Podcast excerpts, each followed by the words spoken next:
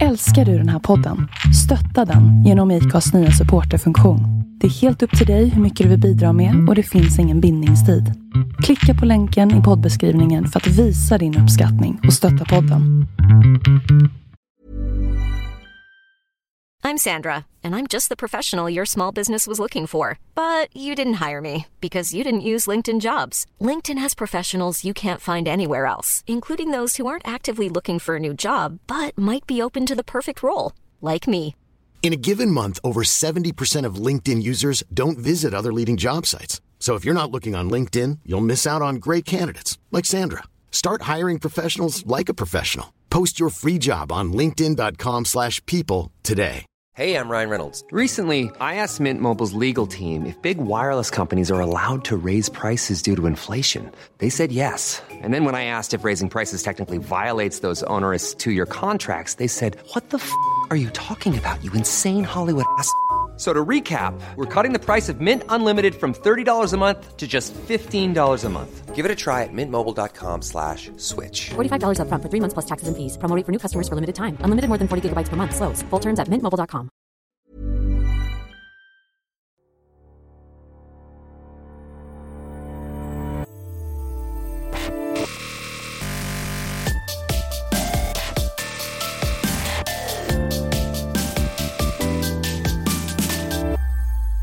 Hej och välkommen till det åttonde avsnittet av Bloggbusiness, en podcast från Better bloggers.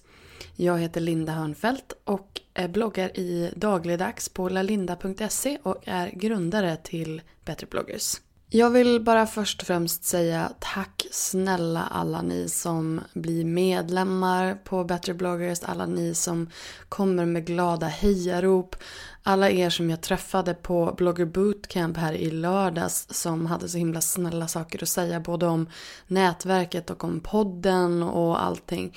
Det känns verkligen väldigt, väldigt fint i mitt lilla hjärterum eh, att ni är så himla positiva till, till den här grejen som jag har liksom dragit igång. Eh, det känns toppenkul. Och eh, jag ska också säga att eh, jag kan liksom hinta lite inför att vi kommer ha vårt första event, vårt första eh, Better Bloggers Meetup i, eh, i april. Så mer information kommer om det lite längre fram. I dagens avsnitt ska ni få träffa Johanna Strömberg som jobbar på Prat PR. Johanna har jobbat inom PR i väldigt många år och skrev ett väldigt uppmärksammat blogginlägg eh, när hon liksom kände att bloggare kanske inte riktigt förstod vad det var för någonting som PR-byråer faktiskt gjorde. Det var lite så här att vända på myntet från hur eh, att, att bloggare säger att olika företag och PR-byråer beter sig si och så. Och bloggarna har ju liksom kanalen så det är ju ofta Alltså jag, jag kände att PR-byråerna och företagen kanske inte får komma till tals alla gånger. För det är ju inte representativt att alla företag inte har koll på hur man jobbar med bloggare. Precis som att det inte är representativt för alla bloggare att vissa bryter mot lagar eller beter sig som, ja, som, som ägg. Och därför så ville jag bjuda in Johanna för att hon skulle få berätta om hur man från en PR-byrås synvinkel, hur man jobbar med bloggare och hur man som bloggare bör bete sig eller bör pitcha sig om man vill jobba med en PR-byrå. Så här kommer eh, intervjun med Johanna.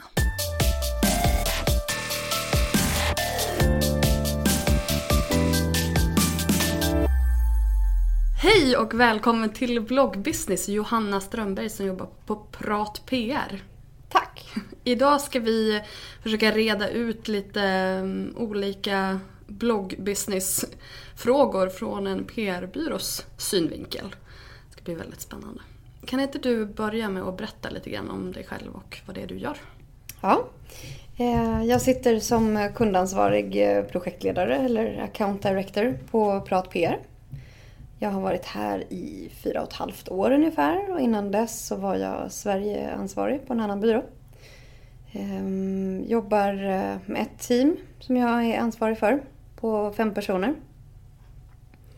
Jobbar framförallt med, eh, i mitt team så jobbar vi framförallt med eh, design, inredning, en del sport och barnvarumärken.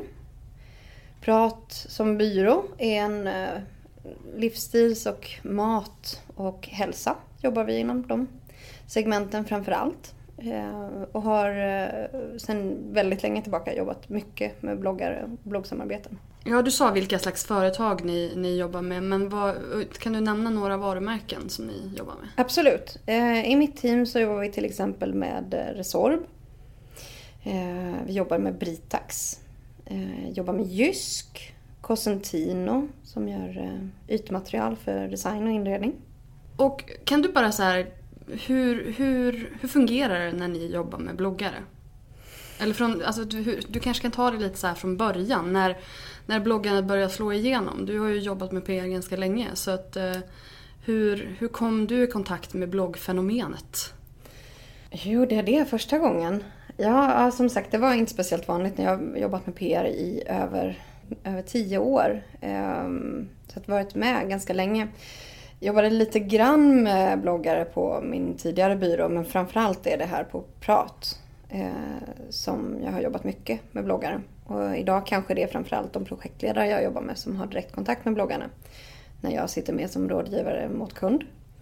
Men vi gör allt ifrån så kallade kreativa bloggutskick till större samarbeten, eh, både betalda och icke betalda samarbeten. Mm, jobbar ju med väldigt olika typer av produkter. Eh, både stora, dyra produkter och eh, lite mer snabbare, billigare konsumentprodukter. Så det beror ju också väldigt mycket på vilken typ av kund eh, det handlar om, vilken typ av produkter, vad vi vill kommunicera. Och från början när, när bloggarna liksom började ploppa upp, hur Alltså hur, hur kom ni i kontakt med, hur, hur tänkte ni att ja, men nu ska vi, det här ska vi hugga på? Liksom? Ja, men jag försöker komma på nu liksom, vilka kan de första bloggarna? Alltså, de första bloggarna som jag jobbade med var ju inredning. Min tidigare byrå där jag jobbade, jobbade jag nästan bara med inredning och designvarumärken.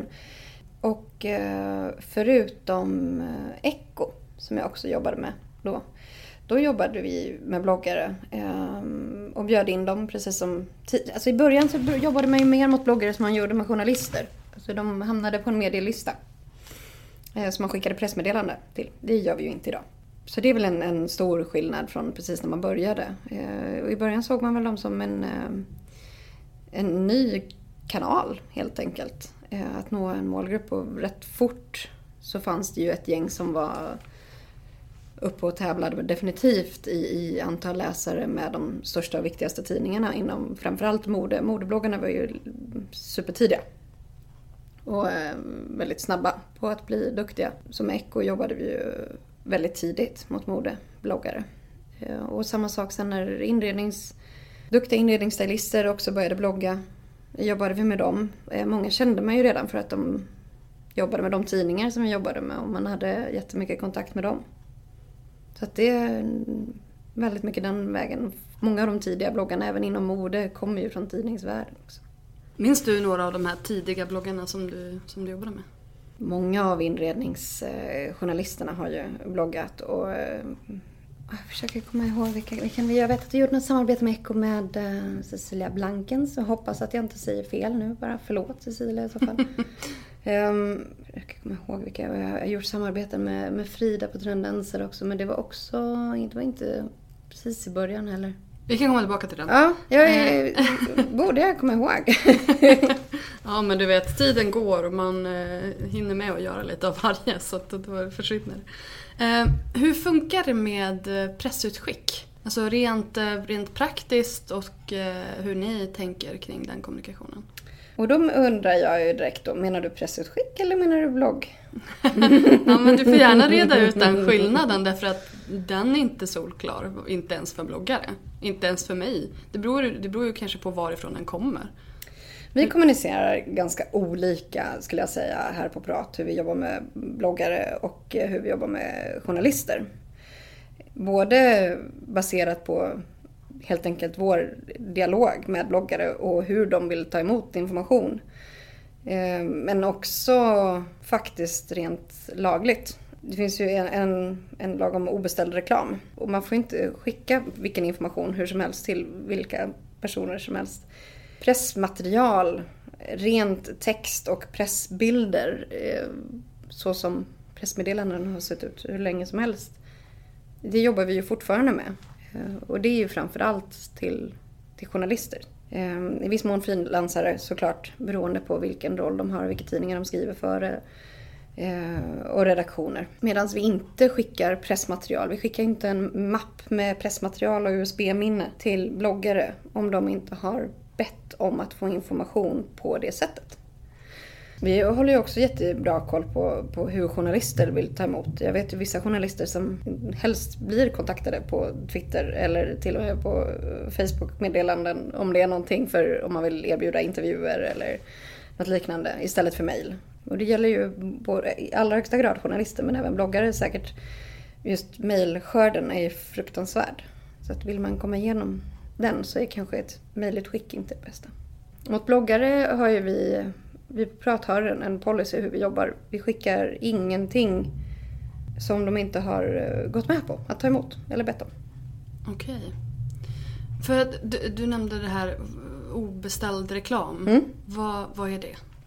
Det är ju att man skickar eh, helt enkelt, och där är ju också så här, vad är pressinformation och vad är reklam? Men någonstans så är ju PR eh, och det, det innefattar ju då inte eh, samhällsinformation eller liknande utan ren marknadsföring till någon som inte har bett om det.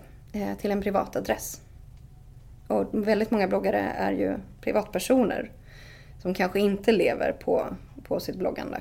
Så jag får inte lov att skicka ett pressmeddelande till en bloggare som även om, om hen är jättestor sitter på SE-banken och skicka till hens SE-banksadress. Det är inte okej. Väldigt intressant, för det görs ju hela tiden.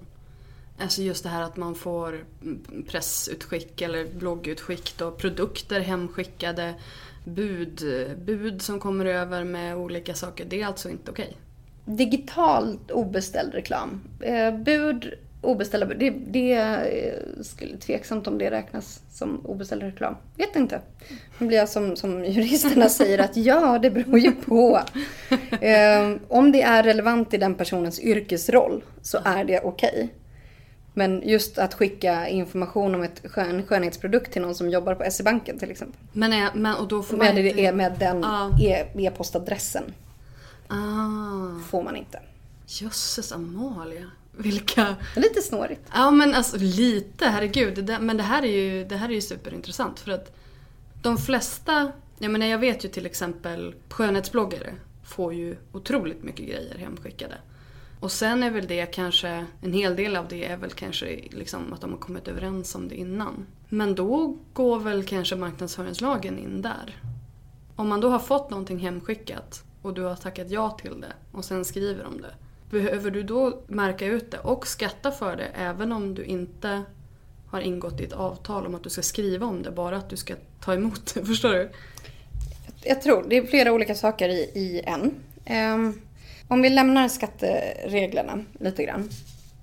Det den handlar om är att konsumenter ska kunna se vad som är marknadsföring och inte. Det är inte förbjudet att ta emot ett bud från en av våra kunder eller från, från ett företag. Eh, det är absolut inte förbjudet att skriva om det. Det man inte får göra är att skriva att man har köpt produkterna och inte låta det framgå att man har fått dem. Eller att man har ingått ett avtal och skriva om dem.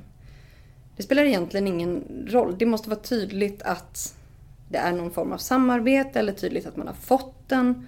Man får inte skriva att, eh, att det, ska, det ska vara lätt för konsumenten att se huruvida det är någonting som bloggaren eh, rekommenderar för att de har köpt produkten och tycker det här eller om det finns ett företag i bakgrunden som påverkar.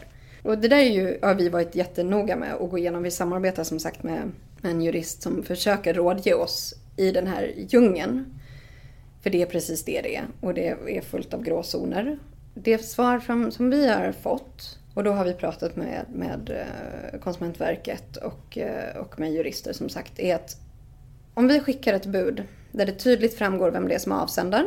Eh, självklart framgår det alltid att det är vilken kund det är. Och i vissa fall så det är inte viktigt för oss att vi lyfts fram som byrå, utan det är kunden som ska stå i fokus. Men vi anger också oss som avsändare. Vi har alltid kollat av innan. Vi kollar alltid av. Vill du ta emot det här? Är det relevant? När finns du på plats? När passar det? Och så vidare. Så att det, vi, vi skickar ingenting, absolut inga bud, utan att det är en överenskommelse. Men om man sen tar en bild och lägger upp, titta jag har fått ett bud eller till och med tar bild på korgen eller vad det nu är. Då ska det räcka för att framgå att man har inte gått och handlat den här korgen. Mm. Utan det här är någonting som man har fått ifrån ett företag. Det finns ju bloggare som är väldigt tydliga och mindre tydliga. Ibland blir det lättare om man lyfter fram exempel som är jättetydliga kan jag tycka. Två exempel som jag har lyft fram i föreläsningar jag gjort är till exempel eh, en tjej som heter Anna som driver en blogg om barnvagnar.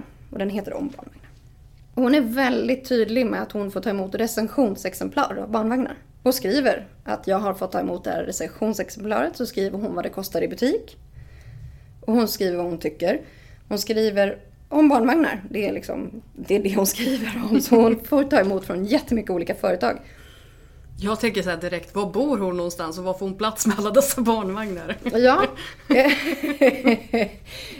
att du behöver inte svara på den frågan. Jag kommer inte svara på var hon bor. Fråga. Jag, men jag vet att hon i perioder har väldigt mycket barnvagnar.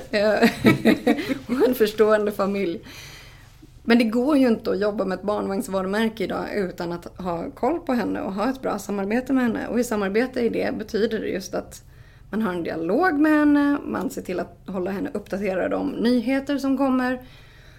Och man frågar om hon är intresserad av att testa när det finns nyheter. Och hon är väldigt transparent i det. Toppen, tycker jag. Familjebilsbloggen. Eh, han testar familjebilar. Jag vet hittills ingen som har köpt en bil till sin familj utan att ha varit inne på hans blogg.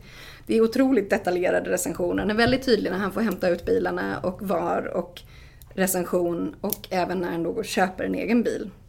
Eller han och hans familj köper en bil. Var de köper det och så vidare men att det då är, är något som de köper. Det är jättetydligt. Och det är klart att man någonstans kommer att tycka att den de faktiskt köpte själva, den måste ju någonstans vara bäst om de testar så mycket. Mm. Men där finns det inga oklarheter. Har de fått den? Skriver de gott om det här bara för att de har fått den? Men där är det ju också väldigt, alltså det är, ju, det är ju ändå ganska självklart kan jag tycka att man inte går och köper 13 barnvagnar. Så att, att, att det faktum att man har fått dem någonstans ifrån känns ju som att det borde man kunna räkna ut. Bara, Gud, du har verkligen en fetisch för barnvagnar. Liksom. Det finns de också kan jag säga. ja, okej. Okay. Det, det, det är en annan podd.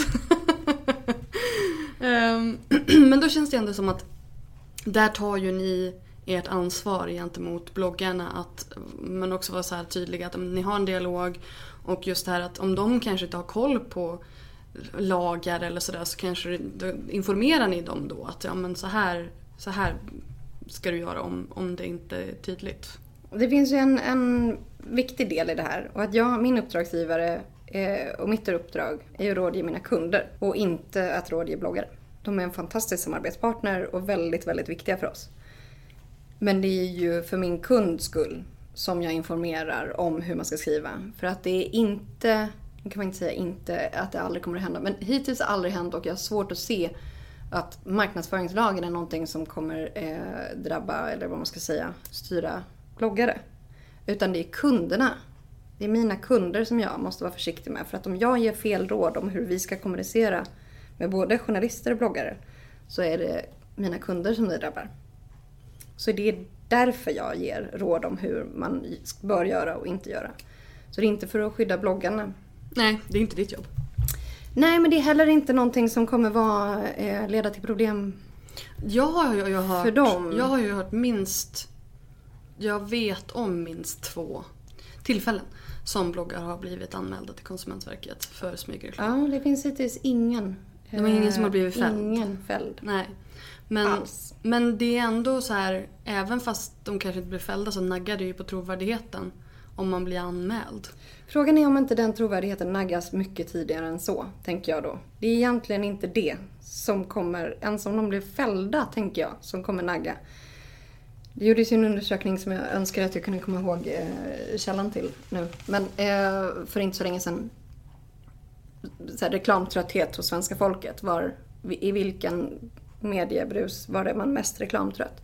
Man att det ska vara TV eftersom det är ingen som riktigt orkar med det reklam-TV längre.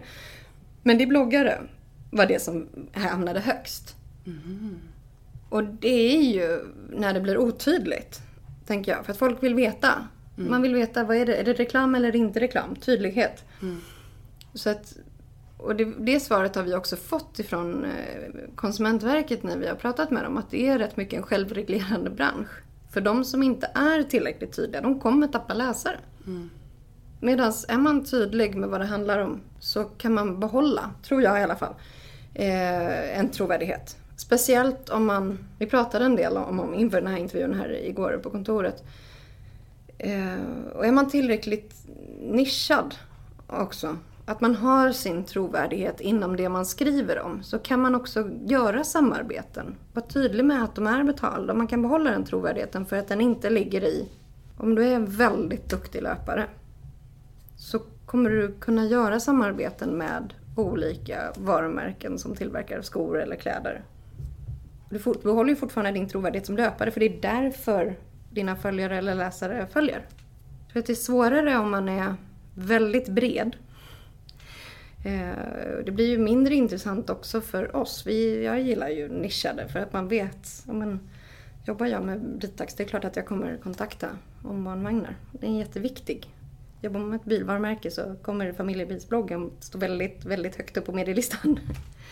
Ehm, men är man väldigt bred och dessutom väldigt otydlig med eh, när det är tester eller när man får saker eller inte. Då tror jag rätt snabbt man tappar i trovärdighet. Vare sig man blir anmäld eller inte. Så du tror snarare att anledningen till att man ska vara tydlig det är på grund av sina läsare, alltså trovärdigheten gentemot sina läsare, inte på grund av lagen? Absolut. Mm, det, det, jag, jag håller med dig. Jag håller med dig. Alltså, en, en bloggares läsarkrets, det är ju dess valuta. Det är ju det de har. De har ju inget annat liksom, egentligen i slutändan. Eh, om ingen fortsätter läsa så kommer ju ingen att betala för ett annonsutrymme. Eh, Och de bloggare som är mest intressant för oss är ju de som är väldigt måna om sina läsare. Och som har en, inte nödvändigtvis flest läsare.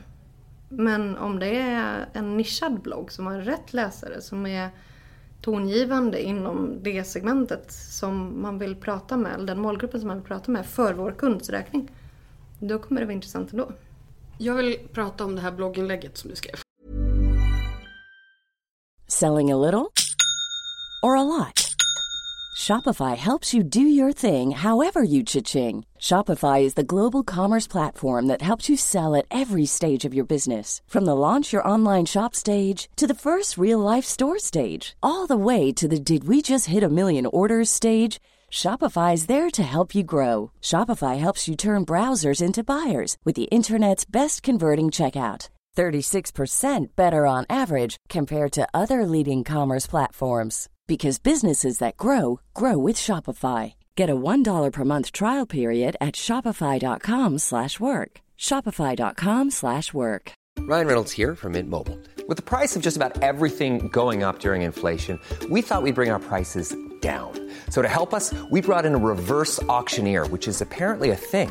Mint Mobile unlimited premium wireless. Ready to get 30, 30, bit to get 30, bit to get 20, 20, 20, bit to get 20, 20, bit to get 15, 15, 15, 15 just 15 bucks a month. So, Give it a try at mintmobile.com slash switch. $45 upfront for three months plus taxes and fees. Promo rate for new customers for limited time. Unlimited more than 40 gigabytes per month. Slows. Full terms at mintmobile.com. Hiring for your small business? If you're not looking for professionals on LinkedIn, you're looking in the wrong place. That's like looking for your car keys in a fish tank. LinkedIn helps you hire professionals you can't find anywhere else, even those who aren't actively searching for a new job but might be open to the perfect role. In a given month, over 70% of LinkedIn users don't even visit other leading job sites. So start looking in the right place. With LinkedIn, you can hire professionals like a professional. Post your free job on linkedin.com slash people today. Eh, det här blogginlägget handlade om, jag hittade det via Sara Rönnes eh, på Träningsglädje, hennes blogg. Eh, och du hade skrivit ett blogginlägg om Ja, så jag, du får gärna berätta om det. Det är svårt, det är svårt, att, svårt att sammanfatta det. Men du, du, tog, du stack ut hakan lite grann där. Ja. Tycker jag.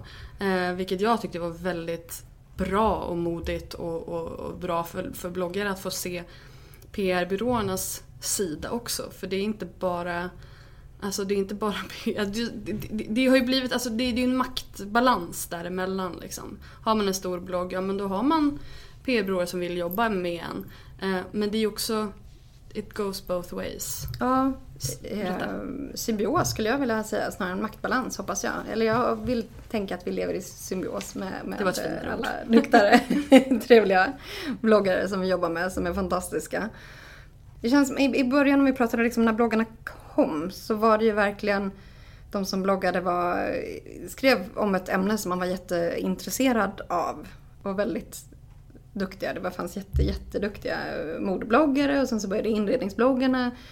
Och sen kom alla mammabloggare. Det vet jag inte om det är ett, ett, ett eh, vedertaget begrepp. Eh, men där började det bli ganska brett. Och det blev en lite annan typ av bloggare. Och det började bli väldigt många. Eh, och det var jättekul. Alltså, det är toppen. Men det började också bli lite otydligt med eh, vad man egentligen skrev om. Alltså, vi, som, som, journalister till exempel, det är väldigt tydligt vilka tidningar och frilans eh, stylister och journalister ska ligga på inredningsmedielistan. Eh, och eh, vilka ska ha bara nyheter om affärspress. Eh, och det var ju samma sak med, med, det är klart att vi inte skickade information om mat till eh, bloggare som bara skrev om mode och kläder. Men sen började det bli eh, brett. Man skrev lite om inredning och lite om sina barn och lite om mat och lite... Eh, och vissa klarade den balansen jättebra. Eh, och ibland så blev det eh, lite rörigt. Eh, och vi, när vi började jobba jättemycket med bloggare så blev det också mycket förfrågningar eh, som fortsatte välla in. Och jag upptäckte att det fanns liksom en, en ganska liten förståelse för vad vi egentligen gjorde. Eh, vilket är helt okej. Okay. Eh, min pappa vet, förstår fortfarande inte riktigt vad jag gör på jobbet. Eh, och det kan man inte förvänta sig att alla vet vad en PR-konsult gör. Dessutom gör vi olika saker beroende på vilken byrå man sitter på. Men det började uppta ganska mycket tid och ibland blev det lite vansinnigt eh, med en del som blev jättesura för att man inte fick ett utskick. Hur ska vi säga här för att det inte ska bli... Som sagt, återigen, jag gillar nischade bloggare och, och, och det är klart att är man en jättestor duktig matbloggare då vill man prata mat mm. med den personen. Mm. Och kanske inte prata skor. Eh, så att om vi gör en, en kampanj som är utformad för en kund som arbetar med skor då kommer vi inte varken skicka information eller produkter eller något liknande till någon som bara jobbar med mat. Eller vin för den delen. Eh, och då fick vi reaktioner på det ibland. Så att jag kände att jag ville förklara lite grann ur vårt perspektiv framförallt. Och vårt perspektiv är ju hela tiden kunden. Våra kunder. Hur, varför jobbar vi med bloggar? Varför är ni så himla viktiga för oss? Men hur kan ni tänka om ni vill jobba tillsammans med oss? Och det är ju jättehärligt men när de kontaktar oss journalister har man alltid jagat hur mycket som helst. Och nu var det en annan situation att vi blev eh, uppringda och eh, mejlade. Och då bestämde jag mig för att skriva det här rätt lite så förklarande. Eh, jag kan säga att jag stack väl ut hakan betydligt mer. Sen så hade jag eh, mina superduktiga kollegor som fick slipa lite på kanterna. så att det blev eh, det blogginlägget som har levt väldigt länge. Det är väldigt roligt, tycker jag. Men det handlar i stort sett om att förklara eh, hur vi tänker när vi sätter ihop ett förslag till en kund och vad som är relevant information för oss att veta om den som bloggar. Vad är det svar på din fråga? jag vill ju veta vad det var du stack ut hakan angående. ja men lite grann. Jag hade faktiskt ett exempel, en föreläsning som som sagt vi hade på Stora varumärkesdagen här. Från en bloggare. Jag hade naturligtvis tagit bort allt som gick att identifiera både kundförfrågningar och namn och webbadresser. Men eh, när man skriver hej, jag vill gärna ligga på era listor för event och utskick. Till att börja med har vi ju inga sådana listor. Vi har inte en eventlista där vi bjuder in alla som vill komma på ett event. Eh, det funkar inte så. Utan om vi ska ha ett event som handlar om, eh, för att ge ett exempel, vi jobbar med Britax som sagt. Eh, driver frågan om, om, hur viktigt det är att låta sina barn åka bakåtvänt så länge som möjligt. Eh, så vi hade en föreläsning och där vi liksom presenterade statistik, nya produkter, eh, men om kunskap om, bakåtåkande. Då kommer vi ju bjuda in föräldrar, föräldrabloggare, föräldratidningar, människor som skriver om barn. Vi har ju inte en eventlista, vi bjuder inte in människor som inte har barn eller skriver om barnvagnar eller bilbarnstolar eller säkerhet i trafik. Det känns Utan det är dem vi bjuder in. Samma sak gäller om det handlar om resor eller mat. Så att jag försökte förklara det och då det här eh, exemplet som jag tog upp, då var det en eh, bloggare som gärna ville ligga på våra listor eh, och skrev att hon tyckte att det var jätteroligt att baka och nu skulle hon kalas i helgen och det var kul och alla hennes kompisar hade fått utskick. Och det vore ju toppen om jag också kunde få ett utskick. Och där saknar jag precis all information som överhuvudtaget är relevant för oss. Det, det viktigaste att veta är ju vad är det för sorts blogg? Är det en matblogg eller är det en, en modeblogg eller är det en träningsblogg? Vilka är målgruppen? För det är ju hela tiden det. Vilka är läsarna av den här bloggen? Kommer de vara intresserade av den här kunden? Hur många som läser? Och som sagt, det måste inte vara att det måste vara ett enormt antal. Om det är rätt typ av läsare. Är det jätteengagerade läsare som kommenterar mycket och som tycker mycket och som lyssnar på allt den här personen säger och tar råd, då är det klart att det är jätterelevant. Så statistik, eh, läsare, vad man gör och då kommer man ju gå in och kika på den bloggen för att välja vilken kund den eventuellt är relevant för. Man kommer inte hamna på en lista hos oss för att man tycker att det är roligt att få fina utskick. Jag vill också ha fina utskick, men jag har valt fel sida. Du får gå på allting istället. Men är det vanligt att ni får såna här, alltså som jag kallar det, önskelistor. Att jag skulle vilja ha utskick, jag skulle ha den och den och den grejen. Kan ni skicka den till mig? Eh, ja, eh, det händer. Helt klart. Eh, speciellt när vi gör utskick. Då är det ett gäng som inte har legat på den listan. Som hör av sig som gärna vill ha. Men det är ju så att vi oftast har, de är ju, vi har bestämt att det är ungefär tio personer som vi vill prata med om den här nya produkten. Eller hur många det nu är. Mm. Och då har man skickat ut dem. Så det är inte så att vi har en bank där vi fortsätter skicka ut. Men och då blir alltså händer det då att, att uh, blir de sura? Eller hur, hur reagerar de på ett tack men nej tack?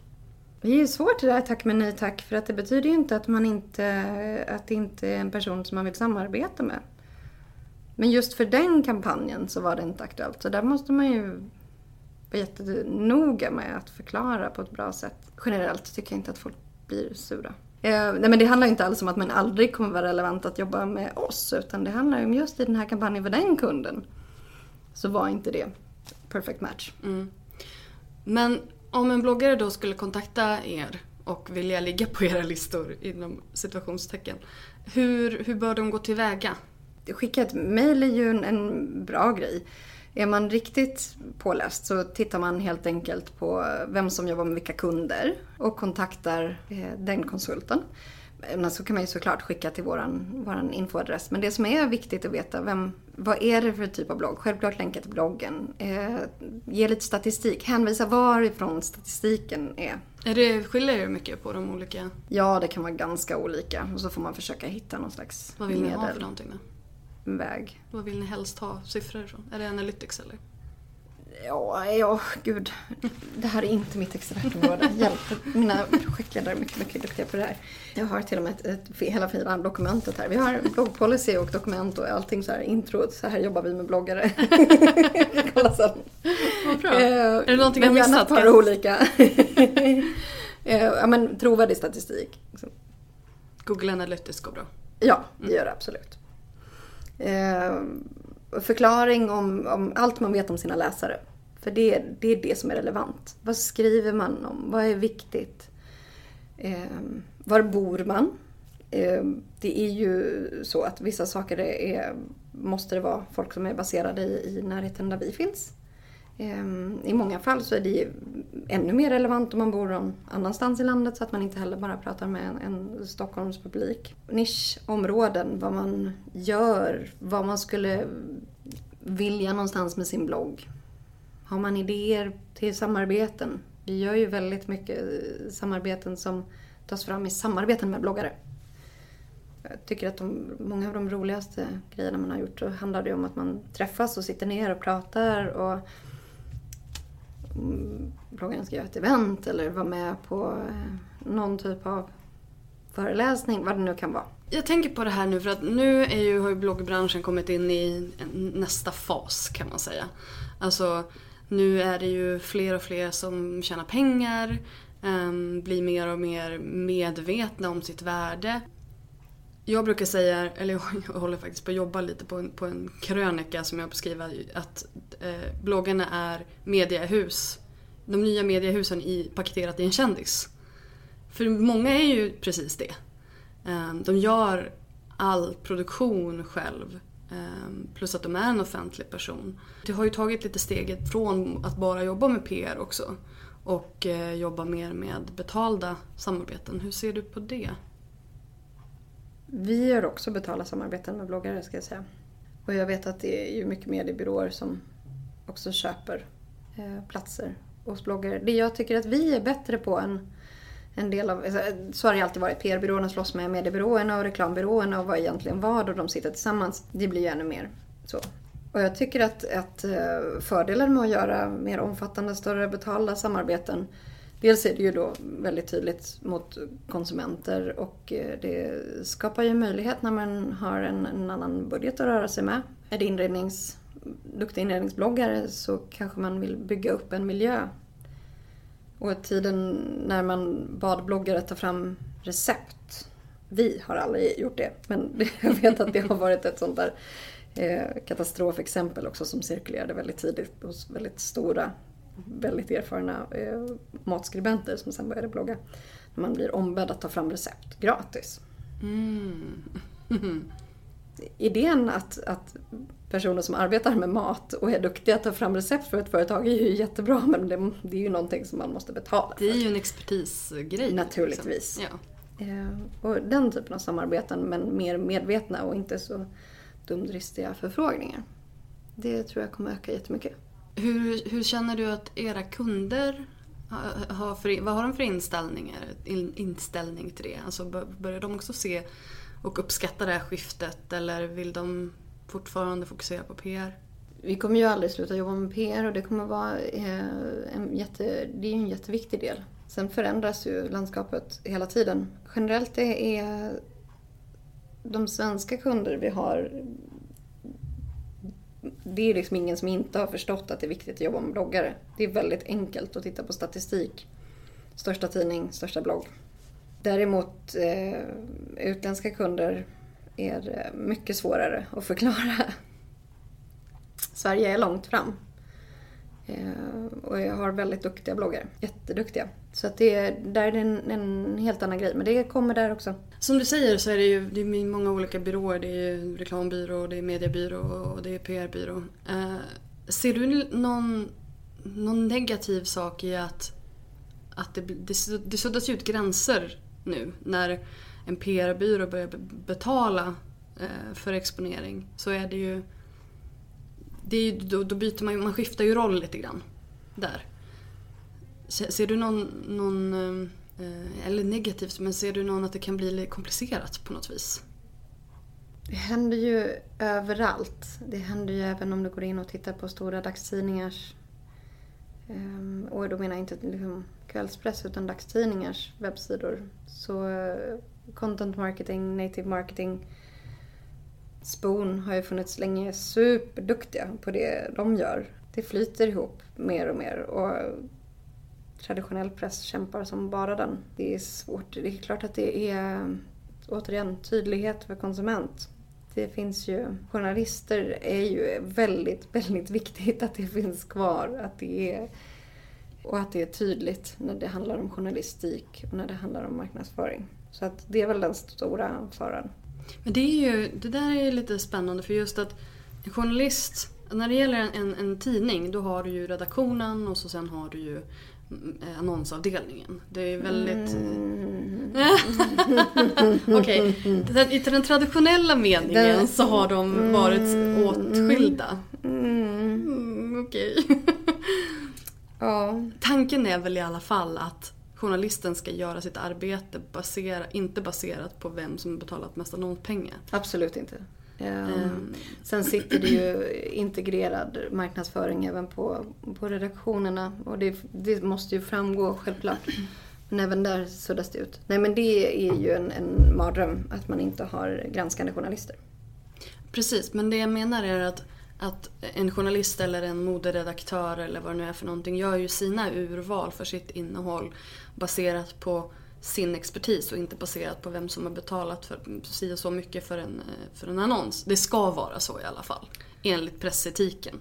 Men bloggaren har ju en helt annan plats för att bloggarna är ju, för det första så är ju inte deras roll att vara objektiva. De är ju subjektiva och det är ju därför de är de de är och det är därför de har blivit stora. Absolut. Och sen är ju de också både liksom content creators och annonsförsäljare och de är ju allting i samma person. Så där är det väl kanske mer okej att man tar in annonssamarbeten och, och betalt innehåll just för att det är ju fortfarande trovärdigheten som står på spel. Så att publicisten eller bloggaren i det här fallet måste ju liksom välja att okej, om jag skriver om det här, även om jag får betalt för det så måste det ju vara någonting som jag kan stå för. Det måste ju passa in i mitt innehåll för annars så, annars så går ju den där trovärdigheten åt. Ja. åt pipan. Jag vet inte, jag tror inte jag hade någon fråga där. Nej men där tror jag återigen att jag har, är tillbaka på det här med att man är tydlig med sin nisch. Mm.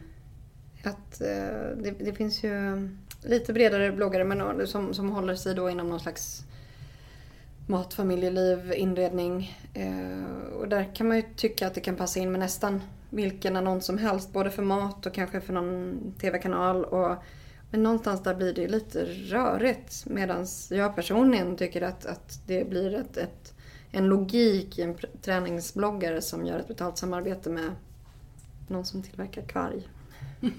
Där finns det en koppling i alla fall. Eh, och så länge man då är tydlig med det så tycker jag fortfarande att man håller en rak linje. Alltså jag tittar på någon som till exempel Blondinbella. Hon har ju väldigt mycket besökare. Men hon är ju, jag menar, speciellt i och med att hon fick barn så har hon ju blivit mer och mer spretig. Så att även om hon har väldigt mycket besökare så kanske inte det är kvalitativa besökare för just den annonsören. Så att där kanske man också måste tänka men hur man tar betalt och sådär. Och det, att man måste ta betalt per kvalitativ målgrupp och inte totalt antal besökare och sådär. Absolut. Samtidigt som att det då, just i det fallet, hon är ju så pass stor så att det är, i vissa fall så är det verkligen relevant. Hon gjorde ett jättefint eh, samarbete som var betalt och väldigt tydligt att det var det. Eh, med en av våra uppdragsgivare. Och, och hon är ju väldigt, vår uppfattning är att hon är väldigt professionell i de samarbetena och verkligen levererar bra material. Precis. Eh, och har man den, den mängden trafik då kan det ju vara, då kan det ju bli värt det även om man är så pass bred. Precis, absolut. För det är ju slut, slut, slutsiffran liksom som är, som är intressant. Ibland vill man ju nå ut brett i en bred målgrupp. Ja men precis, det beror ju på nu vet jag inte vilken exakt det var ni gjorde men hon gjorde ju någonting med en Vasaknäcke eller vad det var för Det någonting. var inte Det jag inte. Förlåt. Inte, det- är inte min kund så jag vet nämligen inte om jag ska jag ger mig Nej, inte in okej. på den. Men det var en väldigt, men det, var, det, det vi kommer fram till är att det är ju en, en produkt som är relevant för alltså i stort sett alla. Eh, och då kan ju en sån blogg fungera bra. Men barnvagnar kanske inte funkar för alla. Jag tror att det är många som har lyssnat på hennes val av barnvagn också. Faktiskt. Var det ni? Nej, det var ett annat varumärke. Bummer. är det några råd du skulle vilja ge till bloggarna som vill blogga professionellt? Man vågar välja bort. Att våga verkligen ja, välja och välja bort. Inte eh, kanske göra allt. Alltså nischa sig. Ja. Ja. ehm, och inte tacka ja till allt för att det är kul. Jag förstår att det är jätteroligt. Jag hade också blivit, alltså verkligen, jag hade blivit jätteglad om folk ville skicka mig jättefina utskick. Men eh, jag tror att det är, i längden vinner man på att välja sina samarbeten. Och då menar jag inte bara de större samarbetena utan även, även eh, mindre. Vara tydlig mot sina läsare. Och göra det som alla journalister alltid har i första hand. Är det här relevant för mina läsare? Och är det inte det, då ska man välja bort det. Det är nog mitt bästa. För att är man relevant för sina läsare och har läsare som gillar den och lyssnar, då kommer vi vara jätteintresserade av att samarbeta på väldigt många olika plan. Tack snälla Johanna för att du ville vara med här med, dig, med mig idag. Ja, tack för att jag fick det. Du har precis hört ett avsnitt av Bloggbusiness, en podcast från Better bloggers. Podcasten hittar du såklart på iTunes och på bloggbusiness.se. Vi finns även på Facebook, på Twitter och på Instagram at betterbloggers. Lämna gärna en kommentar med vad du tyckte om intervjun eller kanske lämna ett önskemål om en framtida gäst. Tack för att du har lyssnat. Ha det bra. Hej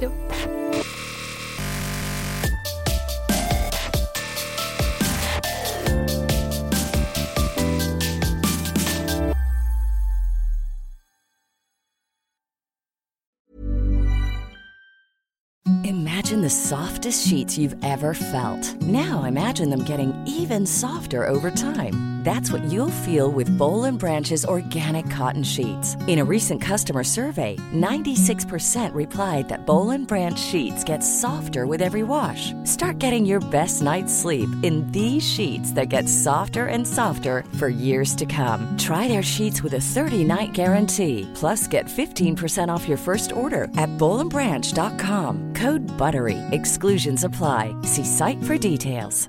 Mom deserves the best, and there's no better place to shop for Mother's Day than Whole Foods Market. They're your destination for unbeatable savings, from premium gifts to show-stopping flowers and irresistible desserts. Start by saving 33% with Prime on all body care and candles. Then get a 15-stem bunch of tulips for just $9.99 each with Prime. Round out Mom's menu with festive rosé, irresistible berry chantilly cake, and more special treats. Come celebrate Mother's Day at Whole Foods Market.